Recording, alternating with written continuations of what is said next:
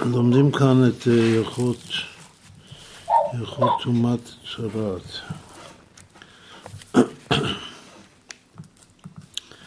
אז יש פה הלכה, אנחנו נלמד את השיעור של יום שני, שזה זין כסלו.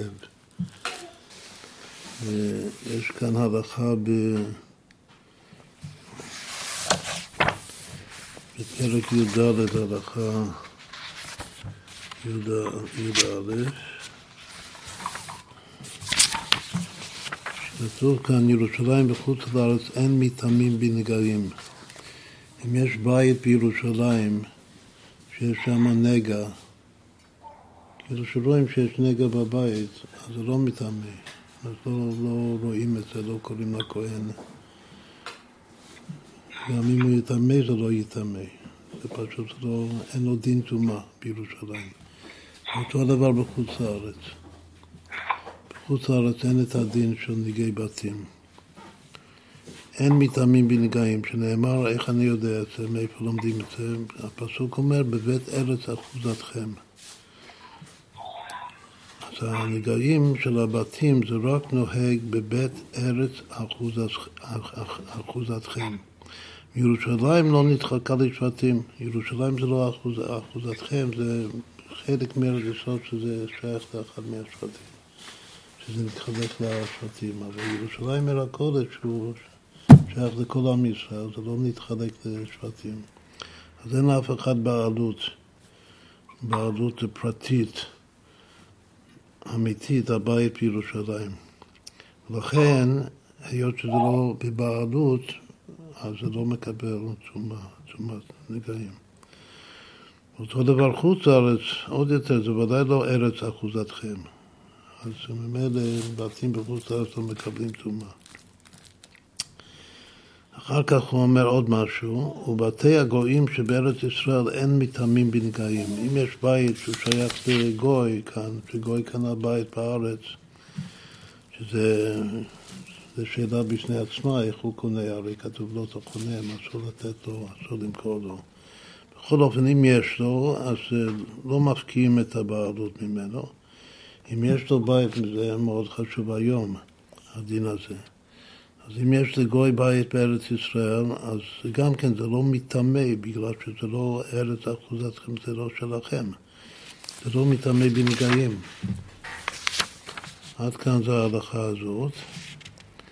Uh,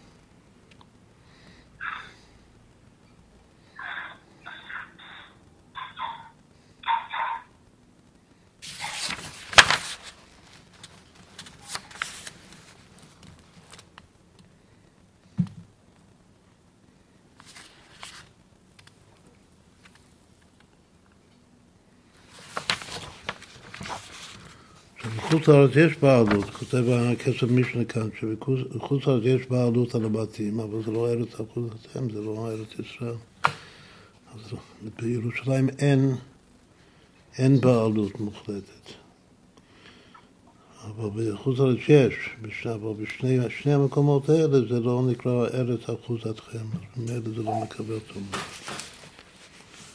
עכשיו, הוורט החשוב הוא שמכאן לומדים שטומאה זה לא משהו, מה שנקרא היום אובייקטיבי. בגלל שיכול להיות שנגע, עם כל הגדרים של נגע, זה, זה קיים, אבל זה לא מטמא. כלומר שהדבר יכול להיות נגוע, אבל לא, לא מטמא על פי ההלכה.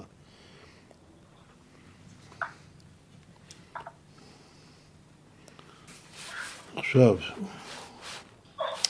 נראה משהו, מה שרציתי לראות, יש מה שכתוב כאן, וכאן אה, בדבר מלכוס הזה, כל יום יש איזו הלכה אחת ש...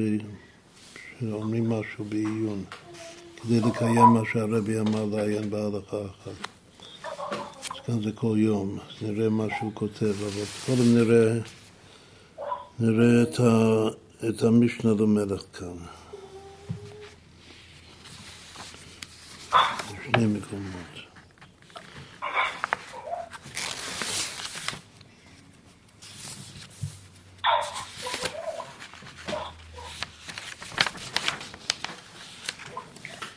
המשנה למלך שואל שאלה, מה לגבי בית של גר תושב? עכשיו, קודם, בהתחלת פרק תשיעי, אז הרם כתב ככה, הכל מטעמים בנגעים. יש, יש שלושה סוגי נגעים, יש נגעים של גוף, של גוף אדם, ויש נגעים של בגדים, ויש נגעים של, של בתים. אז לגבי גוף האדם, וגם הבגד שלו, אז כולם מקבלים טומאה, גם אפילו קטן בן יומו. וגם אה, תינוק שנולד, זה הרגע יכול להיות אה, מצורע, רחמנא ליצלן. ואז הכהן רואה אותו ויש לו דין של, של מצורע, צריך לצאת מחוץ למחנה. אז אפילו, אז כמובן זה מדובר יהודי. אפילו ישראל שהוא קטן בן יומו מקבל טומאת נגעים, וגם עבדים. עבדים חייבים במצוות כמו נשים, אבל יש הרבה דברים שהעבדים פטורים מהם. אבל כאן הדין הוא שכמו שאישה יכולה להיטמא, אז גם עבד הוא מטמא. אם יש לו נגע, אז הוא מקבל טומאה. אבל לא גויים. גוי שיש לו נגע, שהוא אובייקטיבי, יש לו נגע, אבל הוא לא טמא. לא טמא, אה, הוא לא מצורע. כאילו להיות מצורע זה ייחוס. צריך להיות יהודי בשביל להיות מצורע, או לפחות עבד. אה, גוי הוא לא, לא יכול להיות מצורע, ועכשיו הוא מוסיף עוד משהו, ולא גר תושב. מי זה גר תושב? גר תושב זה, זה לא יהודי שמקבל בשני בתים של שלושה יהודים, שהוא מקיים שבע מצוות זה ככה רם פוסק, שהוא מקיים שבע מצוות בני נוח, מטעם משה רבנו, שציווה בתורה מפי השם. שגוי חייב לשמור שבני מצוות בני נוח, אם הוא מקבל את זה בשני שלושה, אז יש לו דין של גר תושב, שהוא יכול לגור, מה זה גר תושב? שמותר לו לגור בארץ ישראל, וגם מצווה עלינו להחיות אותו, לדאוג לו. אז זה לא גר צדק, לא יהודי, אבל הוא גר תושב. יש הרבה מחלוקת, גם בחז"ל וגם בראשונים ואחרונים, איך להגדיר בדיוק גר תושב, אבל אה, לענייננו כרגע זה לא כל כך משנה. זה כמו שאמרנו, הפשט של הרמב"ם זה כמו שאמרתי הרגע, גם הרמב"ם מוסיף עוד משהו, שלא מקבלים גר תושב רק בזמן שהיובל נוהג. שיש יובל, שמתי יש יובל שכל עם ישראל בארצו. כולנו פה בארץ ישראל, אז יכול להיות דין שיובל, ואז מקבלים גר תושב. היום אין את זה לפי הרמב"ם. אחרים אומרים ש... שכן יכול להיות גם היום. לפי הרמב"ם יש מושג מקביל, כאילו קשור לזה, שכן יכול להיות היום, שזה נקרא חסידי אומות העולם.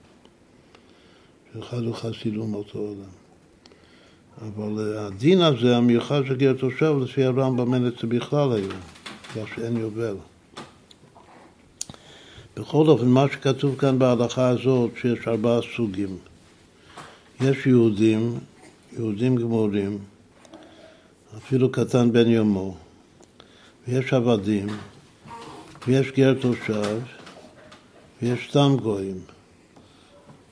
אז שני הדברים הראשונים, שזה יהודי והעבד, יש לו דין של טומאת, של טומאת צרת. אבל שני האחרונים, שזה גר תושב וגוי, אין. אז אפשר גם כאן לומר את הוורט הראשון שלנו, שאפשר לעשות מזה גם י"ק ו"ק, פה הטריין ראין זה לא מתפרשים, מה שהולך ביחד זה היהודי והעבד. מה זה יהודי? יהודי זה בן, בנים אתם להשם אלוקיכם. יש בן להשם ויש עבד להשם. ובן אפילו יכול להתעלות ולכלול בעצמו גם את הדרגה של עבד, זה נקרא בן שנעשה עבד, שכל ההמשך סמך ו' זה על זה. אז לא שעבד זה רק נחות, זה גם יכול להיות מעלה גדולה, להיות כמו משה עבד השם. בכל אופן, הבני ישראל, שזה בנים לשם, והעבדים, יש להם, הם מיוחסים, כמו שאמרנו קודם, שבשביל להיות טמא צריך להיות מיוחס. אבל גר תושב, לפי זה, הוא כנגד הוו של שם השם. והגוי הגמור הוא כנגד האחרונה של שם השם, שזה המלכות. לפי זה גם אפשר להבין שיש הרבה נטיות שונות, כמו ו' קצוות, לגבי המלכות של גר תושב, איך להגדיר את הגר תושב. בכל אופן זה, זה דבר בפני עצמו. עכשיו, מה שמעניין את המשנה למלך, החקירה שלו זה מה לגבי... כאן, כאן הרמב"ם אמר ש, שהכל מטעמים מתגאים, אפילו זה, מדובר על, על, על לכאורה נגעי הגוף. אבל כאן הוא חוקר מה לגבי בית של גר תושב בארץ ישראל. האם הבית הזה מקבל טומאת נגעים או לא?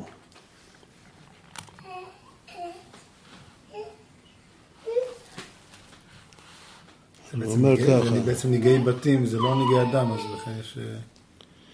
הוא כותב ככה, לעניין גר תושב, אם ביתו מטמא בנגעים, האם הבית של גר תושב יכול לקבל טומאת נגעים? לכאורה, זה אומר שלכאורה נראה אינו מטמא, שזה לא יכול להיטמא, למה? למקרא מימת גוי, החינם עם מימת גר תושב. אותו פסוק שממעט את הגוי, שזה הפסוק אחוזתכם, בבית ארץ אחוזתכם, לגוי אין לו, זה לא, זה לא ארץ ישראל, זה לא אחוזתו של הגוי, זה גם לא אחוזתו של הגר תושב. אז כמו שממעטים את הגוי מהפסוק הזה, אחוזתכם, אז גם אפשר למעט את הגר תושב. ולפי זה הוא הדין בבגדי גר תושב. עכשיו, אם נמעט אותו מנהיגי בתים, אז אותו הדבר נמעט אותו מנהיגי בגדים.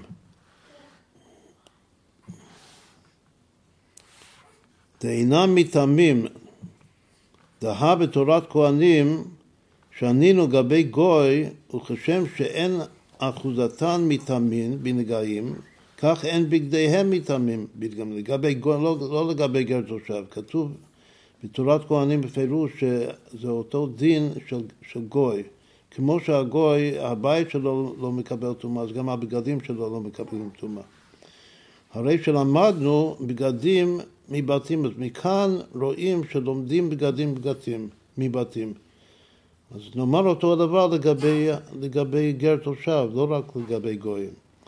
שכמו שהבית שלו זה ממועט מלקבל טומאת נגע, בגלל שזה לא אחוזתכם, הוא, הוא לא אחוזתכם, אז גם הבגדים אותו הדבר, וכיוון בתים עם אית וגויים וגם גר תושב אם מאחוזתכם בבתים, הוא הדין גבי בגדים, אותו הדבר. אחר כך הוא אומר ככה, ראיתי להרש של רבנו שמשון, שהוא הפירוש העיקרי על, המשניות של קודשים וטהרות, שאין על זה גמרא. בריש פרק י"א דנגעים, אז הוא כתב שכל הבגדים מטעמים בנגעים אפילו של גר תושב עד כאן. שהוא הראשון הכי חשוב בהלכות האלה, הוא כותב בפירוש לא מה שאמרתי הרגע. הוא כותב שבגדים של גר תושב כן מקבלים טומאה. של גוי לא. של יהודי ועבד ודאי שכן. אבל כל השאלה כאן, תמיד כל החקירות בהלכה זה מצבים ממוצעים, שלא יודעים לאיזה קצה, לאיזה כיוון צריך לשייך אותם. אז כאן המצב הזה, ההיולי נקרא לזה, הממוצע זה גר תושב. האם הוא יהודי או שהוא גוי? זה לא ברור. אז, אז קודם אמרנו שלכאורה צריך למעט אותו, שהוא כמו גוי. ועכשיו הוא אומר שה, שהרעש, הפירוש הזה החשוב, אומר שלגבי הבגדים, לגבי הבתים הוא לא דיבר, אבל לגבי הבגדים, הוא אומר ש, שהבגדים שלו כן מקבלים טומאה. וכן כתב רבנו עובדיה. מי זה רבנו עובדיה? זה הברטנורה על המשניות. שהוא גם כן בקודשים בטהרות, הוא מסתמך בעיקר על, ה, על הרש. אבל הוא סמכות, כאן רואים שהוא סמכות בפני עצמו. אז גם רבנו עובדיה כותב אותו הדבר, שבגדים של גר תושב מקבלים טומאה, זה חידוש. ואין ספק שהכריחה, מה הכריח אותם לומר ככה, הרי זה חידוש, מדלא תעני חוץ מגר תושב, כי היכי דתעני בראש פרק ג' לגבי ניגי הגוף. במשנה, לגבי הנגעים של גוף, אז כתוב בפירוש שזה לא נוהג בגר תושב. אבל בבגדים וגם בתים, אז לא כתוב. כתוב במשנה שזה רק לא נוהג בגוי. אבל לא כתוב בפירוש שזה לא נוהג בגר תושב. ולפי זה, לגבי בתים, בתי גר תושב מתאמים, בנגעים לפי זה, זה אומר שאם בבגדים, לפי הרש, והברטנורה, אם בגדים זה מקבל טומאה של גר תושב, זה גם בתים שלו, בגלל שזה הבא עתליה. וזהו, וזהו תימה בעיניי, אומר המשנה למלך הוא שבין האחרונים הוא גם אולי הסמכות החשובה ביותר על הרמב"ם. אז הוא אומר שהדבר הזה זה תימה בעיניי. שאי אפשר לומר שגר תושב הבית שלו מקבל טומאה. עוד פעם, נחזור למקור. המקור הוא שכתוב ארץ אחוזתכם, ואין לו אחוזה בארץ. כמו, ש, כמו שממעטים את הגוי מארץ אחוזתכם, אז גם ממעטים את הגר תושב. דהיינו מקלד אחוזתכם.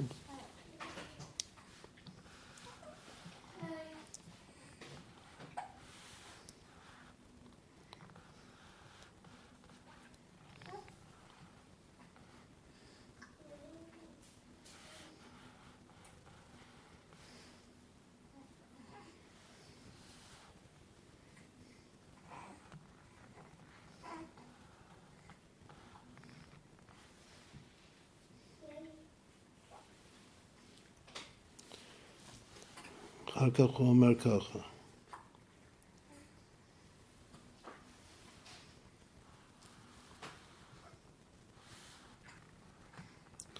ועוד, מדברי הרש בראש פרק י"ב של נגעים, של, של מסכת נגעים, נראה דגריס, זה נראה שהוא גורס בתורת כהנים.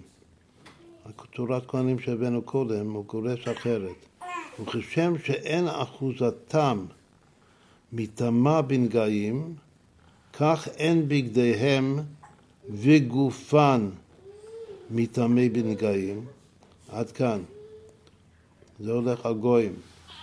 והכי גריס רבינו עובדיה, וכיוון שלא למדנו לגופם כי אם מבתים, את הכל הוא לומד מבתים.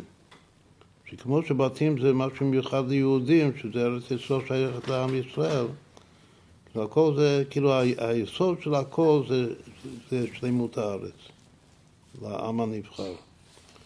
מכאן לומדים גם בגדים ומכאן לומדים גם את הגוף, דגי הגוף. אה, אז מה הוא אומר? מכיוון שלא למדנו לגופם כי אם מבתים, איך נחלק ביניהם לגבי גר תושב? איך אפשר לחלק? זה אותו דבר, אבל בגופם כתוב בפירוש במשנה שזה לא נוהג בגר תושב.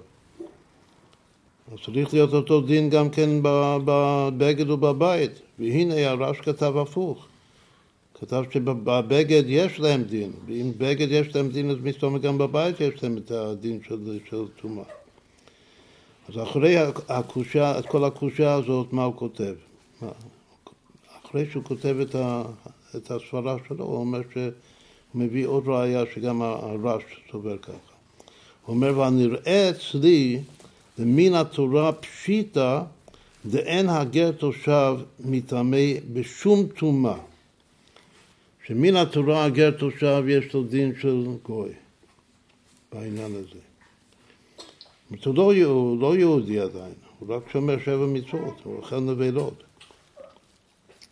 לכן מן התורה אין לו שום דין של טומאה. עוד פעם, טומאה זה משהו רוחני אה, מיוחס. אז אין לו לא טומאת הגוף, ולא טומאת הבגד, ולא טומאת הבית, לא בגופו ולא בבגדו ולא בביתו. אלא דרבונן הוא דגזרו גבי בגדים ובתים לעניין גר תושב. עכשיו זה חידוש מופלא, שרבנן גזרו לא על הגוף, בגוף הוא עדיין אין לו טומאה. אם יהיה לו נגע בגוף שלו הוא טהור. אבל אם יש נגע בבגד שלו או בבית שלו, רבנן גזרו שזה טמא, שצריך להביא כהן לראות את זה, ושאם זה טמא, שיטמא את זה, ואז הוא צריך לעבור את כל התהליך של הטהרה, של הריפוי. גם זה הכל על ידי הכהן. אז כהן ישראל צריך להתייחס בכובד ראש ל... ל, ל, ל כאילו, מה זה צרת? זה, זה מחלה רוחנית של הבגד של הגר תושב וגם של הבית שלו. מן התורה לא, אבל מדרבנן כן. עכשיו זה חידוש גדול מאוד.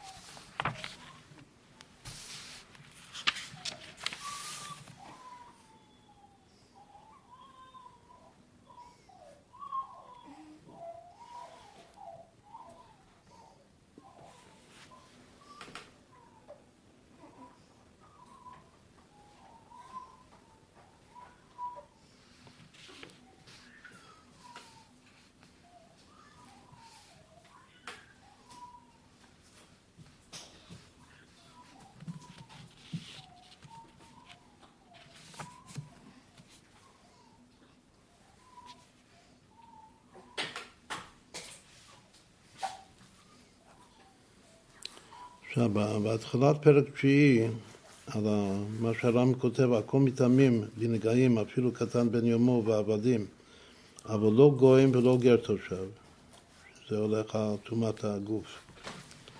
אז כאן הוא כותב המשנה למלך ככה, שכתב הרש, עוד פעם, הרש בריש פרק י"ב נגעים, דתניא בתורת כהנים, אחוזתכם מטמא בנגעים ואין אחוזת נוכרי מטמא בנגעים. כלומר שגוי, הבית שלו, זה לא מקבל טומאה. וכשם שאין אחוזתם מטמא בנגעים, כך אין בגדיהם וגופן. זאת הוא לומד את הבגדים והגוף, זה ראינו את זה קודם, דווקא מהבית. זה לגבי גוי. והכי גריס רבנו עובדיה בר תנורה. ונראה דהקש זה, ומכתיב מאיפה הוא לוקח את ההקש הזה. שה, שהגוף והלבוש זה תלוי בבית. הוא לוקח את זה מהפסוק המסכם את כל פרשת נגעים בתורה. זאת התורה לכל נגע צרת ולנתק ולצרת הבגד ולבית. הרי דיקיש הכתוב ניגי הגוף והבגדים והבתים. אז אם, אם יודעים באחד מהם איזה דין, אז אפשר להקיש את זה לשני הסוגים האחרים של צרת. וכן כתב רבנו בפרק, בסוף פרק י"ג מהלכות אלו. וקשה, אז קודם כל הוא מקשה, עכשיו זה קושה חדשה. הוא אומר, קשה לי, זה לגופם, למה, למה צריך ללמוד את, ה, את הגוף את הדין של הגוף מהקש של הבית. הרי זה שגוי, הגוף שלו לא מקבל טומאה, יש מקור אחר לזה. לא צריך ללמוד את זה מבית. טיפו כלי מדכתיב אדם כי יהיה באור בשרו נגד שרת. בהתחלת פרשת נגעים כתוב שהאדם כי יהיה באור בשרו נגד שרת. אז בשביל לקבל את הנגד של הדין של נגד של צריך להיות אדם. הרי ישראל קרויים אדם, ואין אומות העולם קרויים אדם. כי דאמרינן, לגבי טומאת אוהל, זה גם כן, לומדים את זה לגבי טומאה, טומאת אוהל של מת. על זה כתוב, אדם אתם, אתם קרויים אדם, ולא אומות העולם. אז היות שכתוב אדם בנגעים של הגוף, אז מכאן אני יודע מעניינו, מהפסוק שלו, של הגוף, שהגוי הוא ממועט, הוא לא מקבל טומאה. אז בשביל מה צריך ללמוד אותו מהבית? אמרנו שהמקור כאן של כל הקבלת טומאה זה, מה, זה משלימות הארץ, שארץ ישראל עם ישראל. אולי איץ צריך ההקש, אז הוא אומר שאולי ההקש הזה בין כולם, ושלומדים את כולם מהבית, אולי ההקש הזה זה לרבונון. זה הקש שצריך את זה, שזה אסמכתה של גזירה ותקנה של רבנן. דפליגי אלי דרשב"י, מי אמר שאדם אדם זה רק ישראל ולא גויים? רשב"י אומר את זה, אבל רבנן חולקים עליו. אז הם לא לומדים שהאדם זה רק ישראל. והיתלו לגויים מטעמים באוהל, הם, הם לא לומדים שגויים לא מטעמים באוהל מהמילה אדם. ולא דרשי מילת אדם, למעט גוי. אך, אבל הוא אומר שיש עוד משהו, שבנוסח של התורת כהנים שבידינו לא גריס וגופם. לא גריס שלומדים מהבתים גם את הגוף. אז הם בכלל, אז לפי זה, לפי הגרסה הזאת, באמת הגוף לומדים מאדם ולא מבתים. וכן כתב רבינו בראש פרק י"ב עליהם, כלומר שהרמב"ם בפירוש המשניות שלו גם גורס ככה. לפי גרסה זו שבידינו נראה דספירה לתורת כהנים דלגופם לא יצטרך הקשר. זה תלמוד לומר ממילת אדם, שלומדים את זה ממילת אדם. וכן כתב הרב תוספות יום טוב, גם כן בראש פרק י"ב נגעים. ודע שיש חילוק בין ניגי הגוף לניגי בגדים ובתים לגבי גוי שנקרא. עכשיו הוא אומר, זה לא היה עניין בפני עצמו, עכשיו הוא אומר משהו שנוגע, יותר נוגע לנו, גר תושב הגוי. עכשיו הוא שואל שאלה כזאת, מה לגבי גוי שעובר גיור כהלכה, שהוא לא גר תושב, הוא גר צדק, וכשהיה גוי היה לו נגע בגוף שלו. עכשיו הוא עובר גיור וזה נשאר אותו דבר. אז כל זמן שהוא היה גוי הוא היה טהור. עכשיו שהוא יהודי ועדיין הנגע קיים בו, אז מה הדין שלו? אז הוא אומר, דאילו בנגעי הגוף הנגעים שהיו בו קודם שנתגייר אינם מתאמים.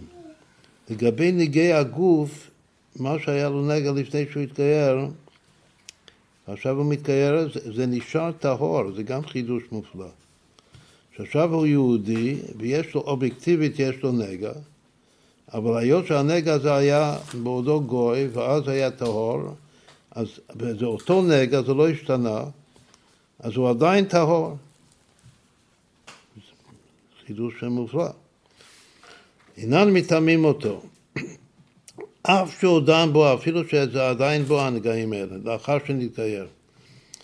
וכניתנן בריש פרק ז', אבל לגבי בגדים, זה לגבי הגוף שלו. אבל לגבי בגדים והבתים, נראה דעדין דייראו בתחילה, זה ביטוי של ההלכה, שהרמב"ם גם מביא את זה, שצריך לראות את זה בתחילה, כאילו שעכשיו זה מתחיל. אם היה לו בגד, שהוא היה גוי, והבגד קיבל צורת, עכשיו הוא מתגייר, אז לא אומרים שזה כמו הגוף שלו. אומרים שעכשיו שזה אותו בגד עם אותו נגע, אותו דבר, אז אומרים שצריך לקרוא לכהן ולראות את זה בתחילה, כאילו שעכשיו זה נולד. אותו דבר לגבי הבית שלו. אז אם כן יש חילוק בין הגוף לבין הבית שלו לגבי גר שנתגייר. וכדתנן מן הנוכרי יראו בתחילה, כאילו בגדים שהוא היה לו בגד, בגד מצורע לפני שהוא התגייר, זה היה טהור. אותו בגד עכשיו שהוא מתגייר, אז צריך לראות אותו בתחילה. ואך יתנן בראש פרק י"ב. הרי שאף על פי שנולד הנגע בזמן שהיה טהור, הנגע הזה נולד במציאות בזמן שהנגע היה טהור, בגלל שהוא גוי. אם אחר כך בא לרשות ישראל, כן, סליחה, לא קראתי נכון. מה, ש, מה שכתוב במשנה, כתוב לגבי מי שלוקח בגד של גוי, זה עוד דין. יש לגוי בגד עם צרת, ויהודי קונה את זה מהלא שהגוי מתגייר. יהודי הוא גוי ויש לו בגד מצורע, היהודי קונה את זה. אז כתוב במשנה שאם יהודי קונה את זה, אז צריך לראות את זה בתחילה. צריך להביא כהן ושיראה את זה. אף על פי שלפני שהוא קנה את זה, זה היה ברשות הגוי, וזה אותו נגע, וזה היה טהור. בכל אופן, עכשיו זה כאילו מציאות חדשה. לגבי גר תושב, יש אה, חקירה, האם גר תושב יש לו דין של תינוק שנולד זמי, כמו גר צדק. אז אה, יש מי שאומר, כאילו, האחרונים אה, סוברים שכן, שיש לו דין. עניינים שלו, שצריך להחיות אותו, ומותר לו לגור כאן בארץ. אז יש לו גם כן דין של, של תינוק שנולד דמי, כלומר שהוא מציאות חדשה, מהות חדשה, הגר תושב. בכל אופן, אם, אם יהודי לוקח בגד מצורע, אז צריך לראות את זה בתחילה, בגלל שזה של יהודי. אם אחר כך בא, אז קודם זה היה טהור אצל הגוי, ועכשיו זה הגיע לרשות ישראל שהוא קנה את זה. אז הדין הוא שיראו בתחילה. עכשיו יש פה שתי גרסאות. יש גרסה שאומרת, הכי נמי בגוי שנתגייר, אותו הדבר גוי שנתגייר כמו שיהודי לוקח את הבגד, אז אותו הדבר אני אומר שגוי שנתגייר, אז גם כן יראו בתחילה.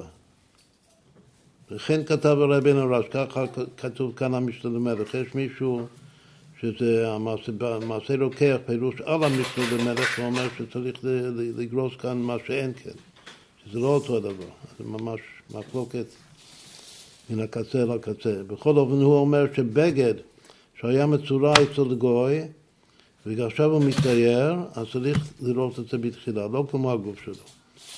אותו דבר הבית, בריש פרק י"א, תמה דמות כתב יראו בתחילה, אפילו על נגע הנמצא בבגדו קודם שנתגייר, וזה לא דמי, זה לא כמו הגוף שלו. שהגוף שלו זה נשאר טהור.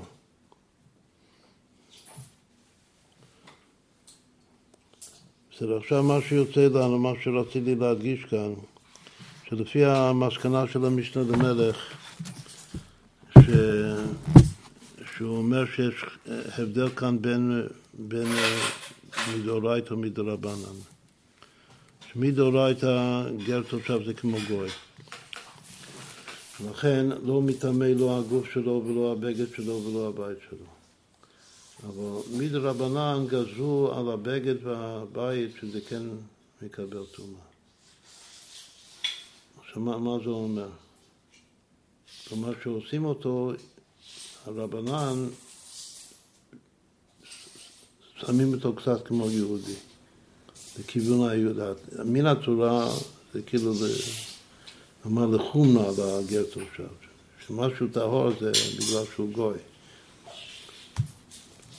זאת שכאן גוי יש לו יתרון, שהיתרון שלו שהוא נשאר טהור. הוא כך הוא טמא, הגוי. אבל כשמגיעים לקליפת העצמיות כתוב בתניא. אבל דין טומאה של נגעים אין לו בכלל. אבל חז"ל נתנו לו לגבי הבגד והבגד. מה זה אומר?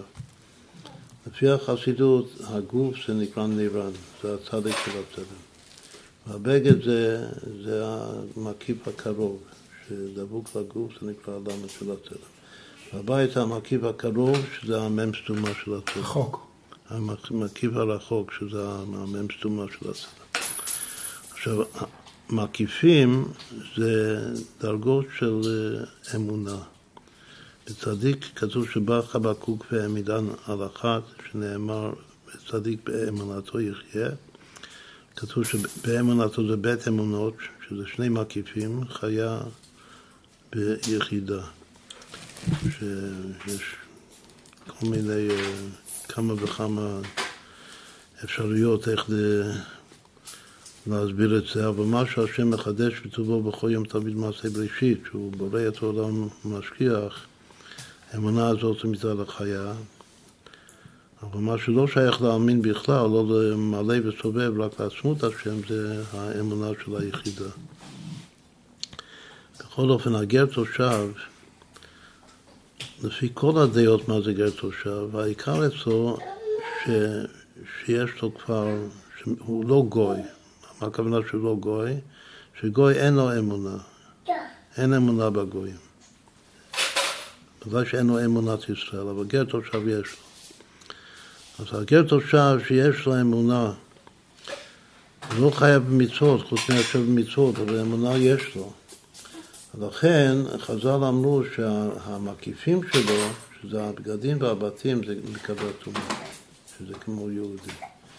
אבל הגוף שלו, שזה, שזה האור הפנימי, אז כל זמן שהוא לא יתגייר לגמרי, אז האור, הגוף, שזה האור הפנימי, זה לא יהודי, זה עדיין גוי. אבל יש לו כאילו מקיף אותו יידישקייט. שהאמונה זה נמצא אצלו בבגדים ובבית שלו, במקיף הקרוב ובמקיף הרחוק, אבל זה עדיין לא בתוכו. אז כאילו זה הסבר מאוד מאוד אה, מתאים, כלומר, יש לנו ספר אה, על קבלה והתבוננות בשביל גויים, וזה בדיוק מה שאנחנו כותבים שם. שהגוי, משהו, המעבר בין גוי ליהודי זה קודם כל במקיפים, שזה באמונה. ואחר כך זה מגיע, לה, אם הוא מקרה לגמרי, זה מגיע לאורות הפנימיים שלו. זה, זה הוורד של ה... לכן בגיר תושב זה בבגדים ובבית. כן. שלפי הוא כותב שמדרבנן הבגדים והבית מקבל תושב, אבל הגוף לא מקבל טומאה, זה עיקר הוורד. וכאן הוא כותב עוד משהו מעניין. איך זה מתקשר לחקירה השנייה שם של המשנה למלך? עם הגוי, עם הגוי שמתגייר. אז גם כן, גוי שמתגייר, כן, זה גם זה כאילו לימוד יפה. גוי שלא מקבל תרומה, יש לו נגע. אז, אז אם הוא מתקיים, לפי המשנה למלך, בגוף שלו, כשהוא מתגייר זה נשאר טהור. זה נשאר בסדר. מה הכוונה שנשאר טהור? שהנגע הזה, המחלה הזה, הזה זה עדיין מחלה של גוי. כאילו הוא, הוא התגייר לגמרי, אבל יש משהו בגוישקייט, הוא תינוק שנולד, אבל יש איזה חלק של גוי שנשאר אצלו, שזה הנגע. כלומר שאם יש לו פגעים בנפש, שזה נגעים, אז זה, זה סגולה לשפלות של גר. אברהם כותב גם גר וגם בר תשובה, כמה שאסור להזכיר להם מה שהיה, מה, ש... מה שהיו. עדיין גם הגר וגם הבר תשובה היהודי הם צריכים להיות הרבה יותר בשפלות מאשר אה, צדיק. וכאן זה, זה, זה, זה כאילו סימן בהלכה של השפלות, שהנגע בגוף זה נשאר. זה נשאר גו, חלק גוי שנשאר בו, ולכן זה טהור. כאילו זה דבר והיפוכו. בגלל שיש לו גוי, גוי, עדיין חלק של גוי, אז, אז זה טהור. אבל הבגד וה, והבית אצלו, שהוא מתגייר לפי המסקנה כאן, לפי יחד במשנה למלך. הבגד והבית זה כבר יהודי, זה בגד ובית של יהודי. לכן הוא צריך לראות את זה בתחילה. זה לפי הגרסה של המעשה רוקח. מה? זה לפי הגרסה של המעשה רוקח. לפי המעשה, לוקח, זה צריך, קודם כל צריך עיונים, הוא באמת אומר על שניהם שזה, טוב, זה משמע שהוא אומר שזה, שזה כמו הגוף. ככה המעשה רוקח אומר? ככה משמע. אני שמעתי רוקח הוא זה שמתקן, בגוף אינו כן. אבל כשקוראים את זה במשנה למלך זה הרבה יותר מסתבר כמו שכתוב המעשה רוקח. בגוף זה לא... חינמי, כאילו, ומההיגיון שלו, זה ככה זה נראה לי על כל פנים. זה כן צריך להיות כמו שכתוב, או חינמי ולא מה שאין. בסדר, זה... אוקיי. לפי, לפי הדעה שהבגד, זה שיש שתי דעות זה גם בסדר. לפי הדעה שהבגד והבית זה חלק מהגוף, בגר שנתגר שצריך לראות בתחילה. אז זה סימן שהבגד והבית, שזה שוב, זה האמונה, המקיפים הם יהודים. אבל הגוף, יש חלק אצלו שזה נשאר גוי.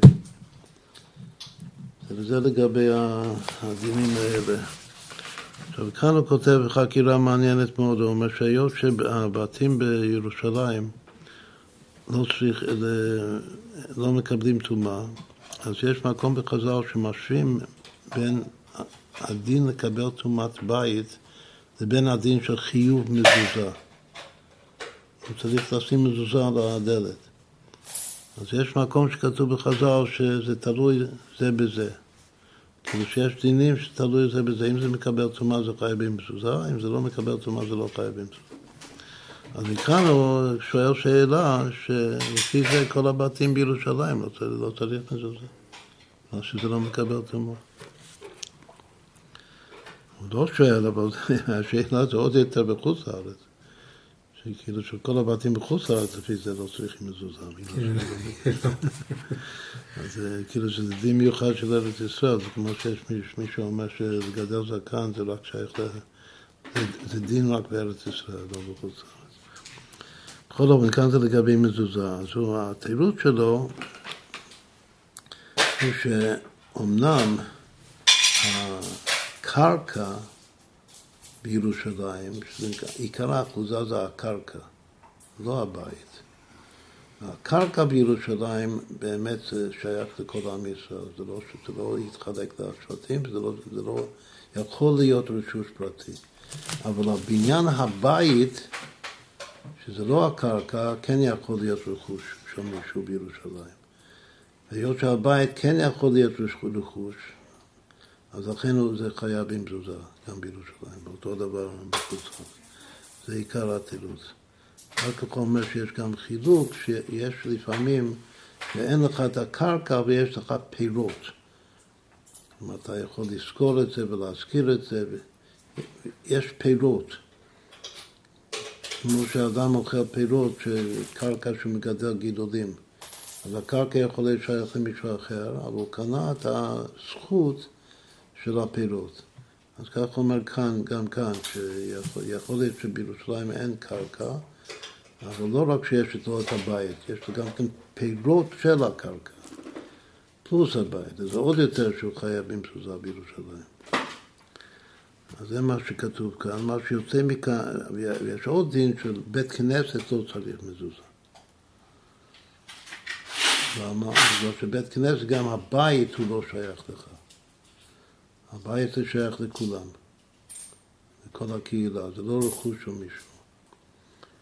לכן דבר שזה לא רכוש של מישהו, זה לא חייב במזוזה.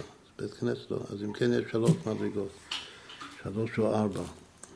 שהקרקע שייך לך, שה... שהקרקע לא שייך לך והבית כן שייך לך, או שגם הבית לא שייך לך. אז מה שפטור ממזוזה זה רק אם, אם הבית לא שייך לך. מה שחייב בנגעים זה רק עם הקרקע שלך. יש פה קרקע בבית ויש הבית לא שייך לך. עכשיו, גם שהקרקע שייך לך, כתוב כלי הארץ, שלא תימכר, שהארץ לא תימכר לצמיתות. השם אומר, להשם הארץ ומלואה, שגם הקרקע זה בסופו של דבר זה שייך. מתי זה מתגלה ביובל? שהכל חוזר. על יובל כתוב כי גרים ותושבים אתם עמדי. כי לי הארץ, כולנו רק גרים ותושבים. אז אין רכוש פרטי לאף אחד. וסימן שזה יכול, יכול להיות, ייתכן מאוד שהתודעה הזאת של היובל, שזה תודעת כלי, להשם הארץ ומלואה, כלי הארץ, זה, זה, זה היכולת להיות גר תושב. שמי שיש לו את ה... אני עכשיו מתרגם את הדרוכניוס, כן? מי שיש לו את, ה, את העניין של היובל, ששום דבר לא שייך לבן אדם, הכל שייך לשם, אם הדבר הזה, זה מאפשר להיות, אם הגר תושב יש לו את התודעה הזאת, אז הוא יכול לגור בארץ ישראל.